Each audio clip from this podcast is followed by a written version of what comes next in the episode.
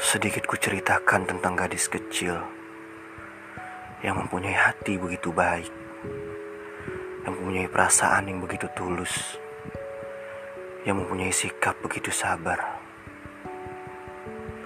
Sebut saja dia Anna, gadis kecil yang cantik, imut, dan lucu. Suatu ketika dia berpacaran dengan laki-laki brengsek Laki-laki yang hanya bisa menyakiti dia. Berulang kali dia menerima sayatan-sayatan dari laki-laki itu. Tapi Ana masih memaafkannya.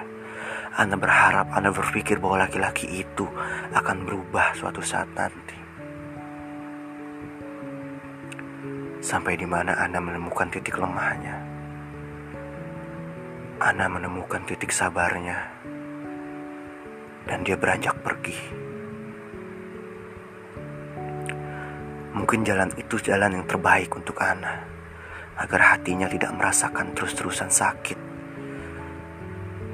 Dan Ana mencoba untuk berani mencabut pisau yang begitu dalam dan menyembuhkan lukanya dengan sendiri. Dan sekarang mungkin dia sedang bersenyum, menertawakan kebodohannya bersama laki-laki brengsek itu.